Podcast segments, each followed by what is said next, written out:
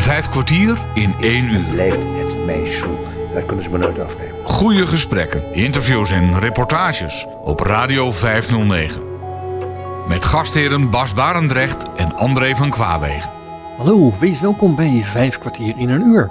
Dit is de derde uitzending uit een serie van vier die in het teken staat van de synagoge, ook wel Sjoel genoemd, in Enschede. Bas neemt een kijkje in dit imposante gebouw, spreekt met de vrijwilligers en reisde af naar Amsterdam om Jaap Hartog, voormalig voorzitter van de Joodse gemeente in Enschede, aan de tand te voelen over deze synagoge en het Joodse geloof. Deze week staat over het algemeen in het teken van het vrijwilligerswerk. Zoals je zult horen stond Jaap Hartog min of meer aan de voet van het vrijwilligerswerk in deze synagoge. En ook al wordt het allergrootste deel hiervan nu gedaan door de fantastische groep vrijwilligers die Bas in de synagoge sprak, steekt Jaap zelf af en toe ook nog de handen uit de mouwen. We hebben toen, toen tijdens de restauratie gezegd: van, jongens, we verwachten een toeloop van mensen. Dat moet geprofessionaliseerd worden. We moeten mensen opleiden die die rondleidingen gaan doen. Uh, mijn vader leefde niet meer, dus ik heb een hele groep mensen opgeleid. De begingroep van de, van, na de restauratie. De vrijwilligers van nu. De, de, de, de begingroep van de vrijwilligersorganisatie. Heb ik een aantal avonden opgeleid om ze te leren vertellen over het gebouw. Maar daar kom je niet mee. Kijk, ik kan iedereen leren wat die ramen in dat gebouw voorstellen. En al die afbeeldingen wat die voorstellen in die koepel. En waar de mannen zitten, want we zitten als mannen en vrouwen apart in de synagoge. En waar de vrouwen zitten. En hoe de dienst eruit ziet. Dat kan ik allemaal aan iedereen leren. Maar als er een vraag komt uit het publiek, dan komen de problemen. Het is dus niet alleen maar het verhaaltje van mij vertellen, met iedereen die daar een eigen draai aan geeft, maar ook ja, de kennis hebben over het Jodendom om vragen te beantwoorden. En die heeft men niet. Dat krijg je, dat, dat, ik ben als Joodse jongen geboren, ik ben erin opgegroeid. En je kunt dat maar niet zo uit een boekje leren. Uh, als er een vraag gesteld wordt over het Joodse huwelijk. Of een Joodse scheiding, wat ook kan. He, dus dat er een, een, scheiding uitgesproken wordt, hoe dat gaat. Of over de besnijdenis. Uh, of over de, de dood. Of over de spijswetgeving. Of noemt u maar op. Dan ja, heb je daar een stuk parate kennis voor nodig. En ik heb altijd tegen de vrijwilligers gezegd: als je vragen krijgt die je niet kunt beantwoorden, zeg dan liever: ik weet het niet, ik kom erop terug. Ik zal het u laten weten, dan dat je er maar een verhaaltje van maakt. Want zo'n verhaaltje gaat een leven leiden. En um, ik heb datzelfde gehad. Toen ik begon met rondleidingen, kreeg ik ook wel vragen die ik niet kon beantwoorden. heb ik dat nagevraagd bij onze rabbijn. En op papier gezet die mensen dat antwoord gestuurd. Maar ik ben ook gaan lezen, maar verder in gaan verdiepen.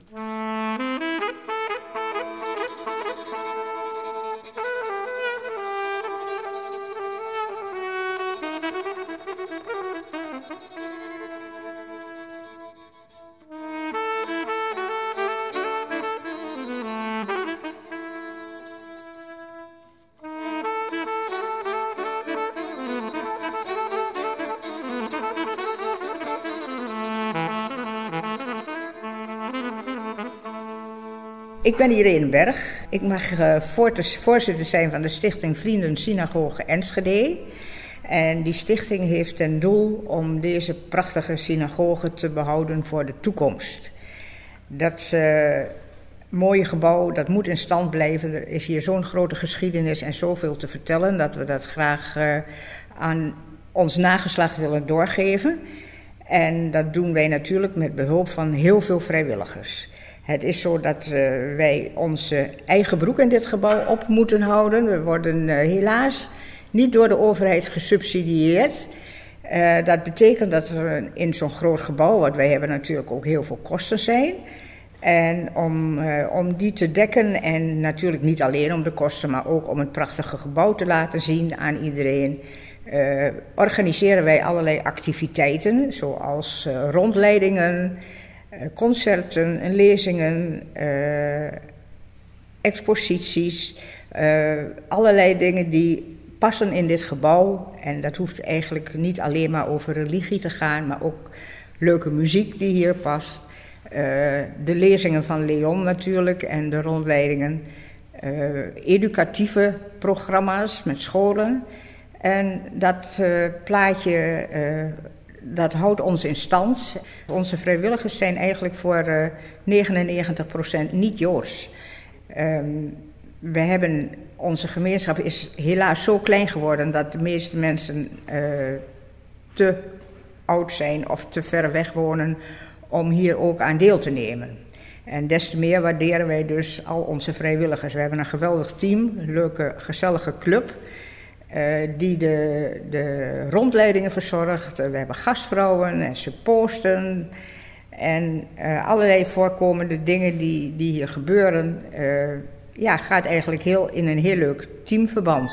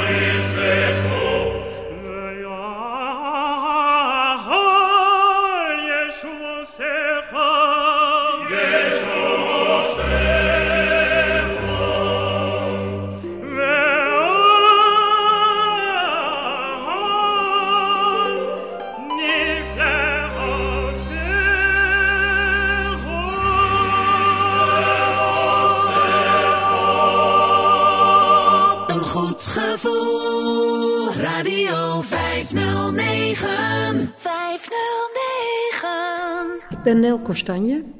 Ik ben hier sinds 2004 uh, eh, in het vrijwilligerskorps aan het werk. In 2003 kreeg ik informatie over dat er hier vrijwilligers werden gezocht. En ik stond op het punt om mijn werkzame leven te beëindigen. Met uh, eh, FPU ging ik toen. En toen heb ik gesolliciteerd, want dit leek me wel wat. Ik ben aangenomen als vrijwilliger en direct de boeken ingedoken. Ik ben heerlijk gaan studeren, wat helemaal geen straf voor mij is. En ik heb me verdiept in alles over deze synagoge en over Judaica, over Jodendom en alles wat daarmee te maken heeft. En ook over de manier waarop je rondleidingen verzorgt, waarop je gasten ontvangt. Dus het was een compleet pakket aan informatie dat ik ging bestuderen.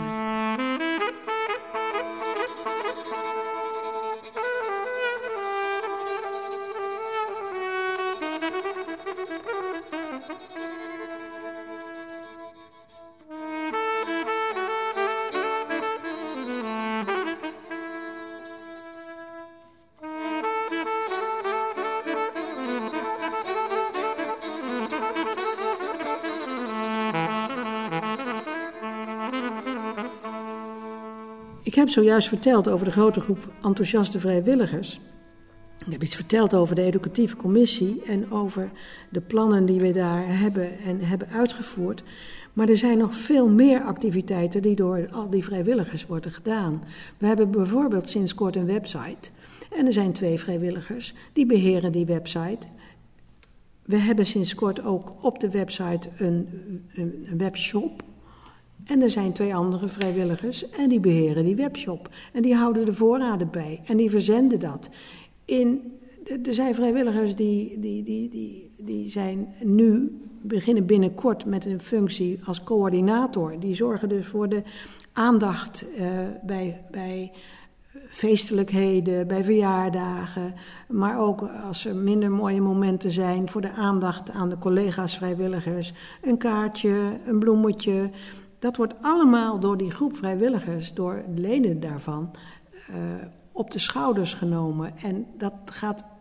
Dat, dat, dat, dat is zo hartverwarmend eigenlijk, dat we op die manier voor elkaar en voor het gebouw uh, zorgen.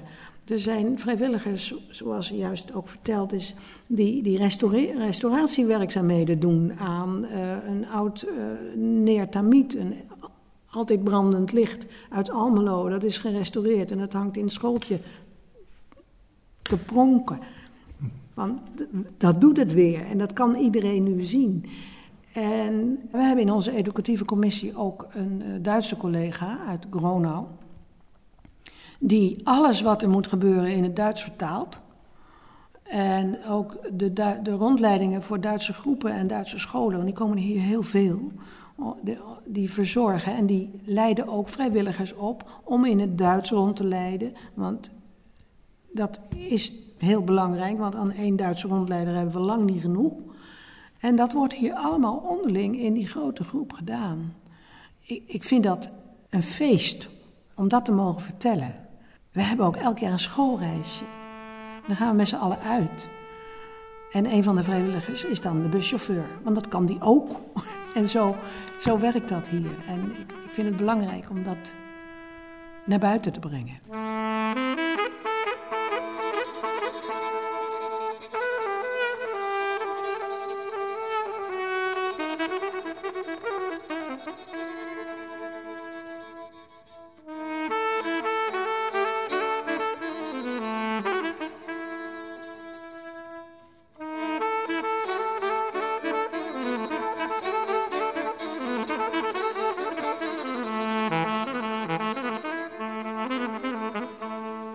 Kwartier in één uur. Het is dus de gewoonte dat als je als groep een rondleiding uh, wilt boeken, dat je dan naar de website gaat. En een van onze vrijwilligers beheert ook dat weer.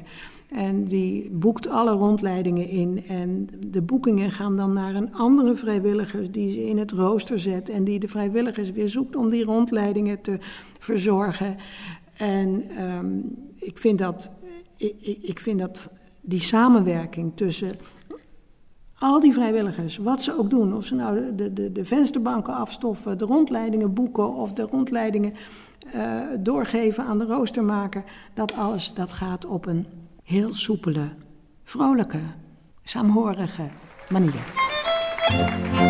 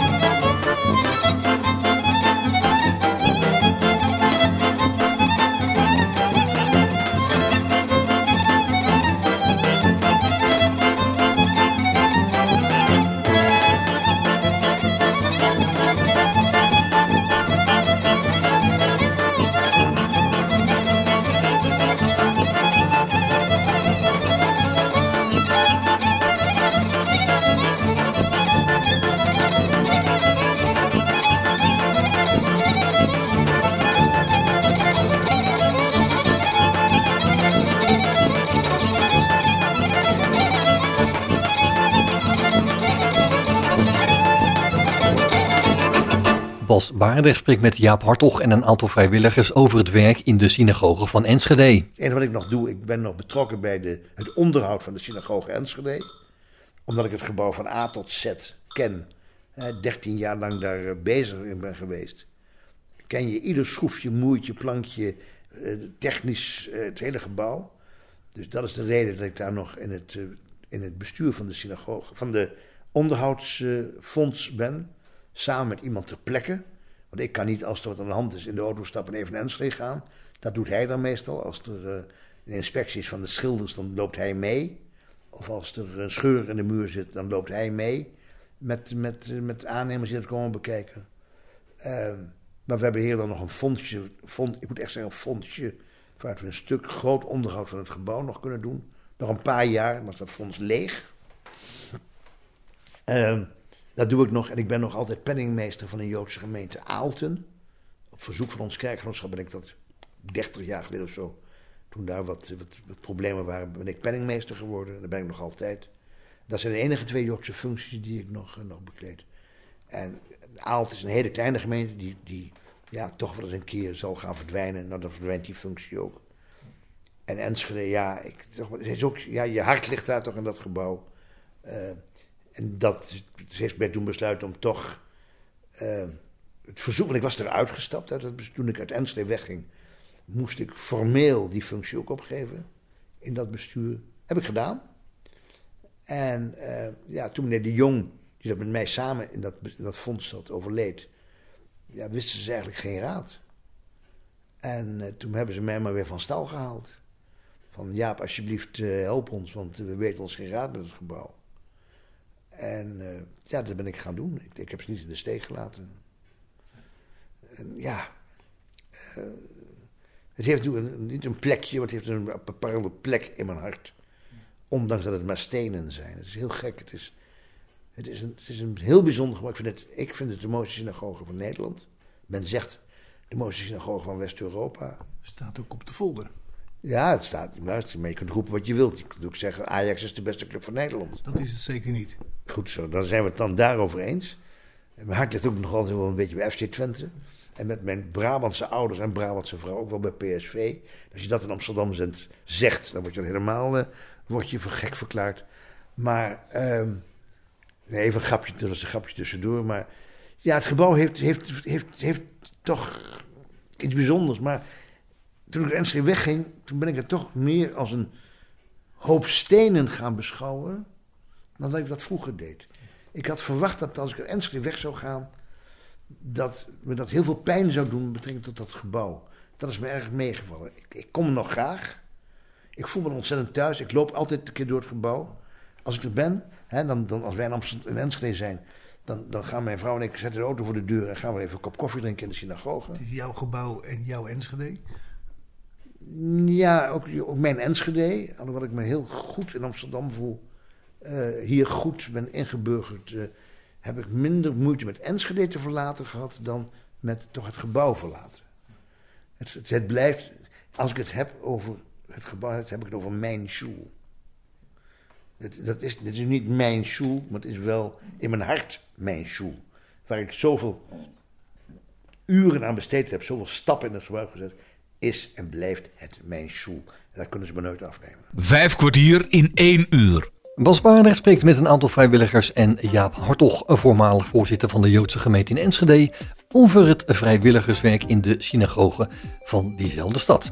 Op het eind hoor je nog bij welke Joodse gemeente Jaap Hartog zich heeft aangesloten nu hij niet meer in Enschede woont, maar gaan we eerst nog door met de vrijwilligers, hun werkzaamheden en beweegredenen. Op Radio 509. Ik ben Jan Braam, wonende in Borculo en ik ben als vrijwilliger verbonden aan de synagoge in Enschede. En wat doe je hier al zo, Jan? Kaartjes verkopen. Hè? Dus de mensen uh, wegwijs maken in onze mooie synagoge. En uh, verder, uh, wanneer dingen kapot zijn, vind ik het leuk om zo mogelijk reparaties uit te voeren. Zodat we er wat mee verder kunnen. Hoezo ben je hier vrijwilliger geworden? Nou, mijn zoon lag ooit in het ziekenhuis, en dat praat ik over uh, eh, 25 jaar geleden, hier aan de overkant van de straat. En tijdens een bezoekuur zag ik de synagoge van de, van de bovenkant eigenlijk. Toen zat er nog een, een- echt een koperen dak op. Helemaal eh, corrosie, was helemaal groen daardoor. En ik vond het zo'n mooi gebouw. Ik ben daar binnen gestapt en eigenlijk nooit weer weggekomen.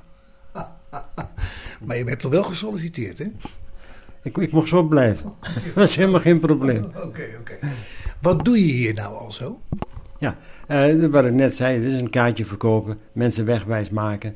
eh, eh, hoe het, Restaureren hoorde ik van Nel.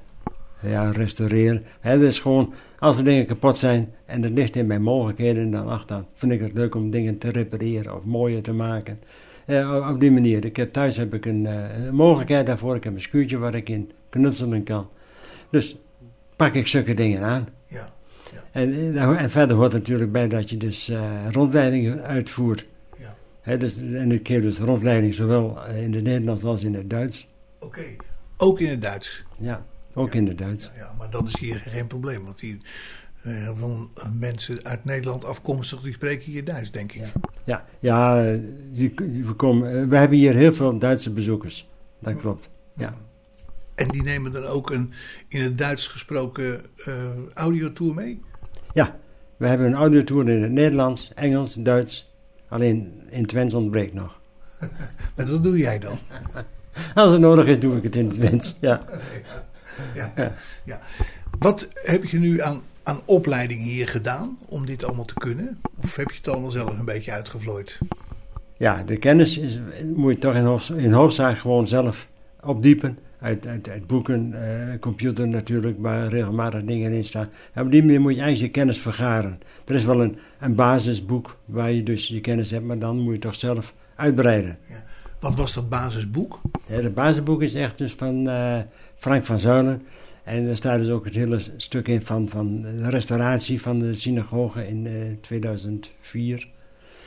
En dus, eh, daar heb je je basiskennis. Hè. Ook een boekje, hè, wat is het Jodendom? Hè, daar, heb je, daar, daar haal je een stukje basiskennis en dat kun je dan op allerlei manieren uitbreiden. Ja. Dat ligt aan jezelf. En dat had je, had je dus voordat je hier begon nog niet. Nee. Nee. Nee, nee wat ik hier geleerd heb, hoe, hoe dus Joodse mensen leven, denken, hè, dat is toch wel heel ja, eh, leuk om te zien, mooi om te zien. Ja. ja.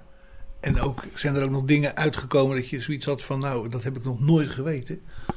Ja, eh, van alles wat hier eigenlijk eh, gedaan wordt, en wat hier gebeurt, dat zijn de meeste dingen zijn voor, zoals voor mij, zijn het gewoon nieuw. Ja, Ja. Zoals, noem eens wat.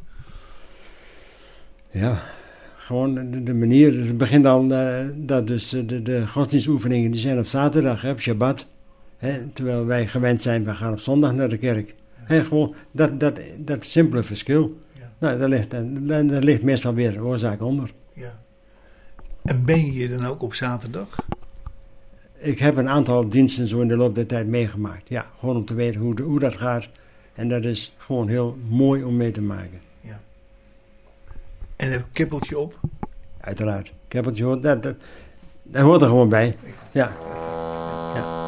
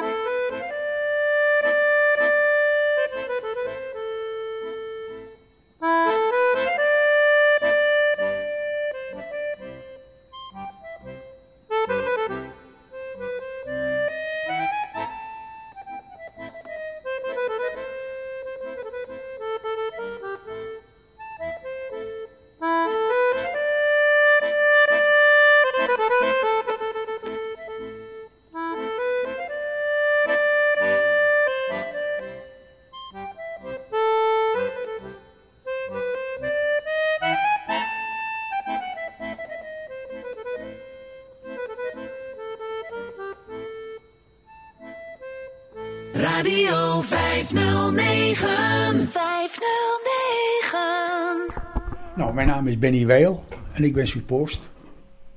Suppost, wat is dat? Ik heet de mensen welkom.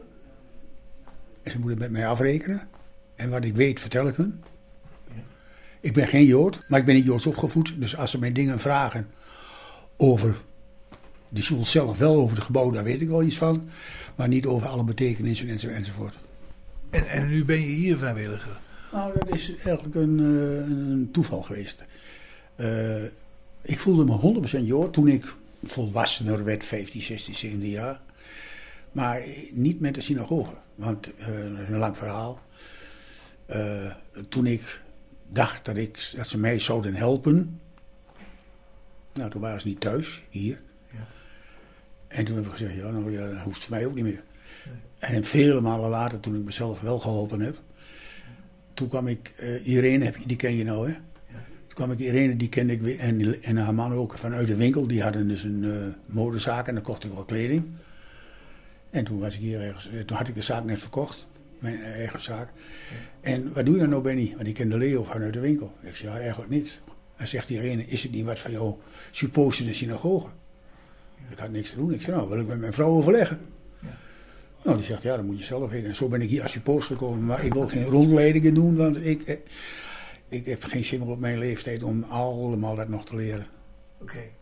Dus dat doe je niet? Dat doe ik niet. Nee. Maar ik geef de mensen hartelijk welkom en wat ik doen kan, doe ik. En als ze mij wat vragen wat ik niet weet, dan zeg ik, sorry, ik haal iemand bij die het wel weet. Ja. Want ik heb vroeger geleerd, als je het niet weet, moet je ook geen antwoord geven. Nee. Dat is goed. Ja. Ja, denk ik wel. Ja, ja, ja. En wat heb je verder in je leven gedaan? Een winkel gehad? Heb je nog even tijd? Ja, doe maar. Nou, ik, ik- heel gek, ik ben A-technisch. Dus ik ging naar de ambasschool. Maar ik had ook geen tegengas. Hè, van, dat moet je niet doen. Die heb ik met pijn en moeite gehaald. Toen ben ik eventjes gewerkt bij een eh, machinefabriek. En daarna ben ik toch, wou ik toch iets met handel doen. Heb ik een tijdje in de winkel gewerkt. Maar dat beviel mij ook niet. En toen heb ik op de kermis gewerkt een jaar. Eh, toen kwam ik terug van de kermis. Toen heb ik hier gewoond. Het was allemaal textiel in Enschede. Toen heb ik in het textiel gewerkt, gewoon in de weverij. En van daaruit ben ik toch weer voor mezelf begonnen eh, op de markt. Als marktkoopman. Ja, dat heb ik een paar jaar gedaan. En toen werd mij door iemand die ik heel erg geholpen heb. eh, Van die grote portefeuilles. Die had ik in de binnenzak. En is mij die eruit gevallen. Want ik werkte altijd op de grond standwerken en zo. En die heeft die portefeuille. En dat was 5600 gulden. Dan praat ik over de jaren eind 50, begin 60, want ik was nog jong. Is een hoop geld. Uh, ik was gelijk uh, van, ik kon niks meer betalen. Ben ik weer in de fabriek gaan werken. maar ik was altijd aan het drummen thuis met blikjes en vorken en messen. En ik ben lid geworden van de muziekvereniging. En vandaar ben ik in de muziek terechtgekomen. En toen heb ik eigenlijk de rest van mijn leven... Ik heb nog een viswinkeltje gehad tussendoor. En de rest van mijn leven heb ik dus... Uh, misschien ik wel wat vergeten, ik heb zoveel gedaan. Heb ik uh, muziek gemaakt. Gewoon amusementsmuziek. Geweldig, gewoon bij feesten en partijen. Ja. ja. En daar was ik gelukkig heel goed in. En daarna heb ik uh, 30 jaar lang, totdat ik de boel verkocht heb, een theaterartiestenbureau gehad. Hier in Enschede. En in meerdere steden van het land waar ik een kantoor aan had. Oké. Okay. En je, je verkocht en nou geniet je van je leven? Ja. Dat is wel uh, heel goed, goed, gelukt. Alleen nu hebben we een ander probleem. Mijn vrouw die heeft Alzheimer gekregen nu voor twee jaar terug. En uh, ja, nou, dat is minder, minder. Maar het gaat nog steeds op een goed vlak. Ze weet nog wie je bent? Ja, ze, weet, moeder, ze, ze doet nog heel veel dingen wel. Ze is alleen vergeetachtig. Ja. Kijk, als ik zeg wat uh, voor boodschappen moeten halen, zegt ze ja, dat weet ik niet. Dat moet jij maar uitzoeken. Bij wijze van spreken. Ja. Maar voor de rest, nee. Ze gaat wel twee keer in de week, zoals nu ook nu haal ik daar straks erop. Gaat ze naar dagbesteding, woensdags en vrijdags. Ja. Vindt ze heel erg leuk en dan zit ze met. En daar is zij nog wel een van de beste. Soortgenoten. Ja. ja. ja. Er zit zij nog wel een met die het meeste nog wel ja. kan en doet. Dat lees ik ook al in die rapporten.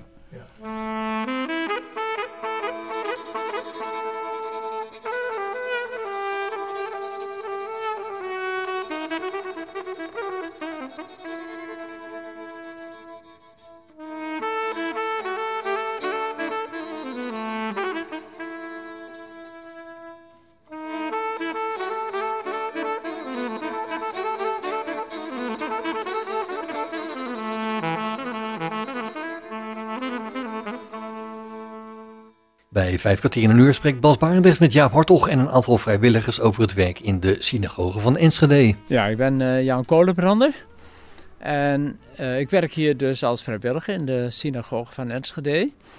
En uh, dat doe ik eigenlijk al 17 jaar.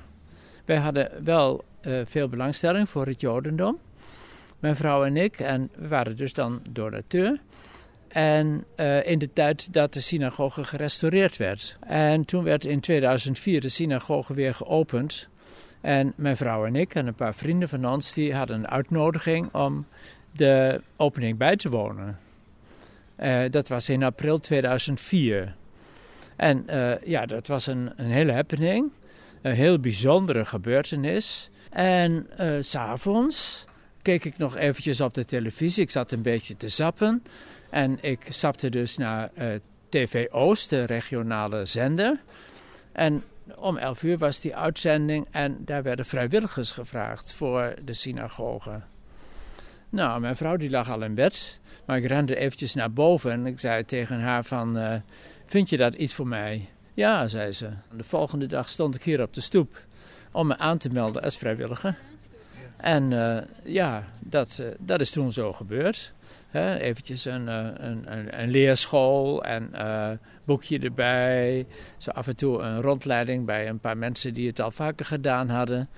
En uh, ja, toen in juni of zo, toen gaf ik dan mijn eerste rondleiding. Hè. Zo, zo, zo, ging dat dan een beetje. En uh, ja, subposten hield het ook in. Dus behalve rondleidingen doen, uh, was er ook postwerk natuurlijk. Hè, want uh, de balie moet ook bemand worden. Dus nou, ik vond het ook wel prima. Ik was met pensioen toen al. Hè, dus ik had wel wat vrije tijd. En uh, ja, zo is het eigenlijk gekomen. En al die tijd ben ik dan nu hier, ja, vrijwilliger.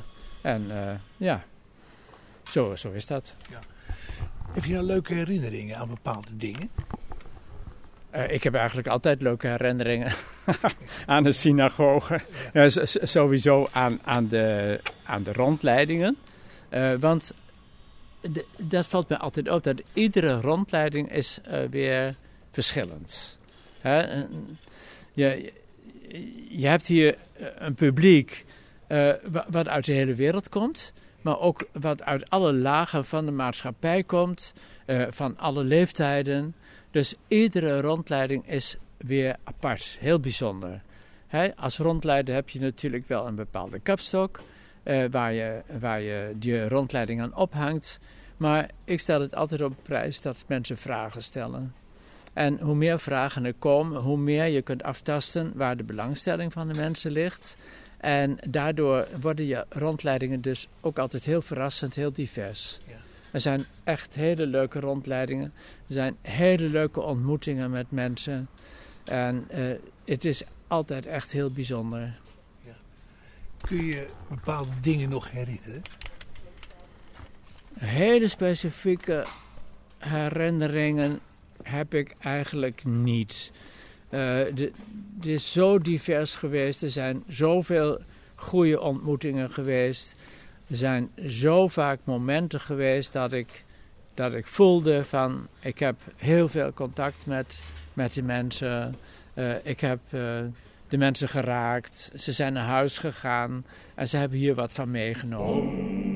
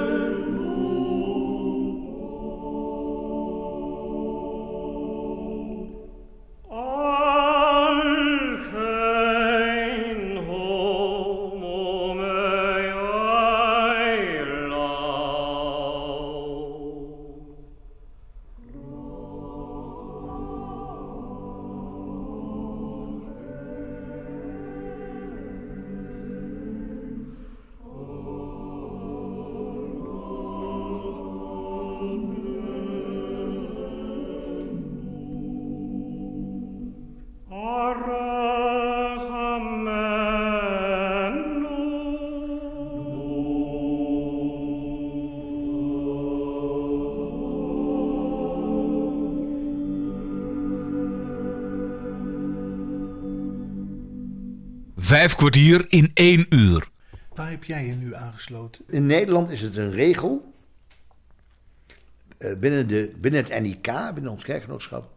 dat je lid moet zijn van de Joodse gemeente waar je woont. Dus toen mijn vrouw en ik uit Enschede weggingen. eh, heb ik het lidmaatschap daar opgezet, opgezegd. En kon ik zonder problemen kon ik lid worden hier van de NIHS, de Nederlands-Israëlitische Hoofdsynagoge in Amsterdam. Eh, ik was daar bekend. Eh, ze hebben alleen navragen naar een Enschede of ik altijd keurig mijn kerkelijke belasting had betaald. Geen, geen financiële achterstanden hadden.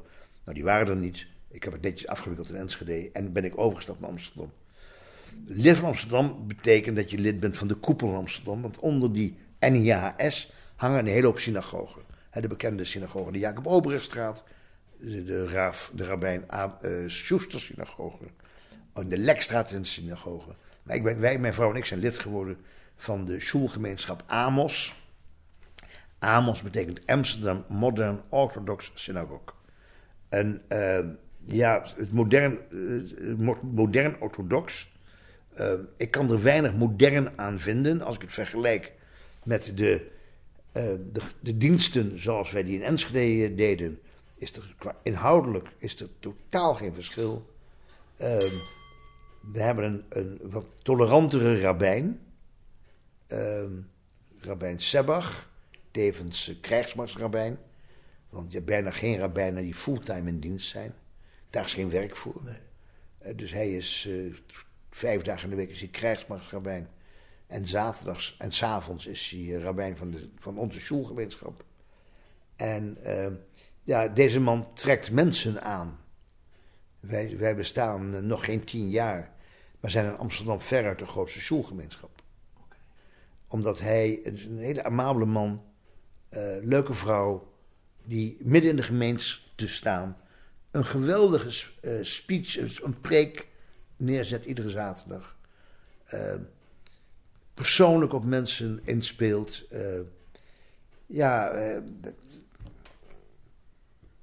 een, een synagoge waar ik me thuis, een dienst waar ik me thuis voel. Heb jij daar nu ook nog een functie? Nee. Ik heb eh, heel veel vragen gehad of ik nog functies wilde hebben hier in Amsterdam. Eh, ik was redelijk bekend. Maar eh, ik heb om persoonlijke redenen heb ik besloten, toen ik in Amsterdam kwam wonen, om alle functies in Joods Nederland af te wijzen. En lekker van van mijn oude dag te genieten. En eh, dat bevalt me veel beter dan eh, in allemaal besturen zitten. Het geeft me een stuk vrijheid.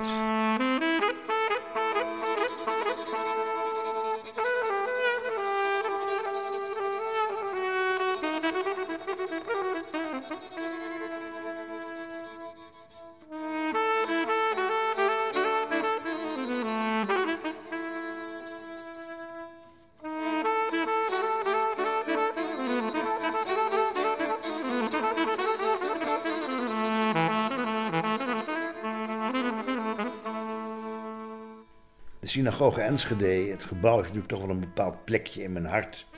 Eh ernaast gewoond. Eh, Hoe kwam dat, dat je ernaast woonde? nou, wij, vlak voor de, toen wij trouwplannen hadden, mijn vrouw en ik, eh, kwam dat huis vrij. De voorganger, meneer Kuit, overleed. Zijn weduwe wilde naar Amsterdam gaan verhuizen. Naar hun, is bij hun dochter gaan wonen. En eh, dat huis kwam vrij en men wilde graag dat er iemand kwam wonen. Dus het bestuur kwam bij mij. En zei van, goh, als jij straks gaat trouwen, willen jullie daar niet gaan wonen. Dus wij begonnen als jong stel in een huis met vijf slaapkamers. Dat was een goed begin. Ja, ongekend. Ongekend. Het gebouw zag er, het huis zag er niet uit. Dat lag niet aan mevrouw Kuits, maar dat lag aan de leeftijd, denk ik ook. Dan zie je dat niet meer. Maar wij waren een jong stel. En wij zeiden, ja, luisteren, eh, zoals het huis is, gaan wij er niet in. Dus dat is eh, rigoureus door het bestuur eh, aangepakt. Om het, eh, om het op te knappen.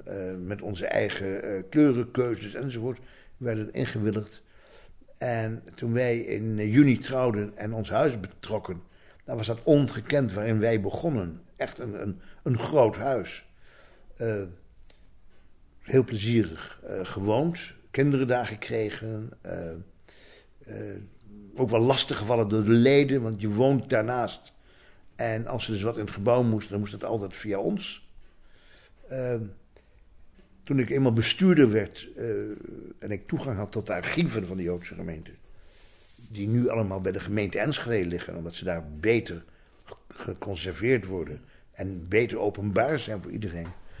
Eh, want we waren, dat was erg gestoord, daar kon, daar kon je eigenlijk niet bij. Frank van Zuilen, die een paar boekjes geschreven heeft over de Joden in Twente en over de synagogen, die heeft met mijn vader samen voor, het eerst toegang gekregen tot onze archieven. Maar toen ik er eenmaal zelf bij mocht, toen ik de sleutel van onze kluis had, dus heb ik avonden in die kluisje te lezen, om ordners door te bladeren.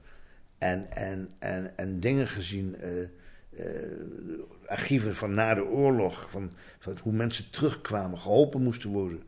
Wat echt geen, geen leuke lectuur was, maar wat wel, wat mij ook een stuk informatie gaf over het gebouw. En eh, doordat wij, mijn vader en ik, zoveel rondleidingen zijn gegeven en dat, ja, dat niet meer konden doen na de restauratie, want er werd toen al verwacht van dat er een toeloop zou komen van, eh, van groepen. En eh, ik werkte. Ik had mijn eigen zaak in Enschede, maar ik was overdag niet of nauwelijks bereid om eh, voor rondleidingen naar de synagoge te gaan. Want een rondleiding van een uur liep met een kopje koffie voor die gasten en wat vragen al gauw uit tot een bijeenkomst van drie uur. En dat, dat, dat kon ik niet missen op mijn, op mijn bedrijf. Wat was je beroep? Ik had een, eh, een textielrecyclingbedrijf.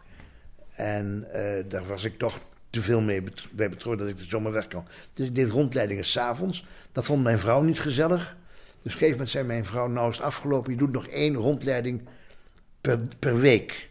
En daar heb ik me ook redelijk aan gehouden. Maar je gaf niet alleen rondleiding, maar als mensen een rondleiding bij je, bij je hadden gehad, bijvoorbeeld een groep uit Groenlo was bij mij geweest voor een rondleiding, dan waren we helemaal niet klaar na drie uur. En dan zeiden ze van, goh, eh, wil je niet een keer bij ons komen? Dus dan stapte ik drie weken later of vier weken later in de auto en reed ik naar Groenlo. kwam ik ook om half twaalf thuis. Heel leuk, heel veel verteld. Ik had daar een bepaald programma voor zelf ontwikkeld, wat ik de mensen vertelde over het Jodendom. En daar konden ze op inschieten, van als ze iets wilden vragen.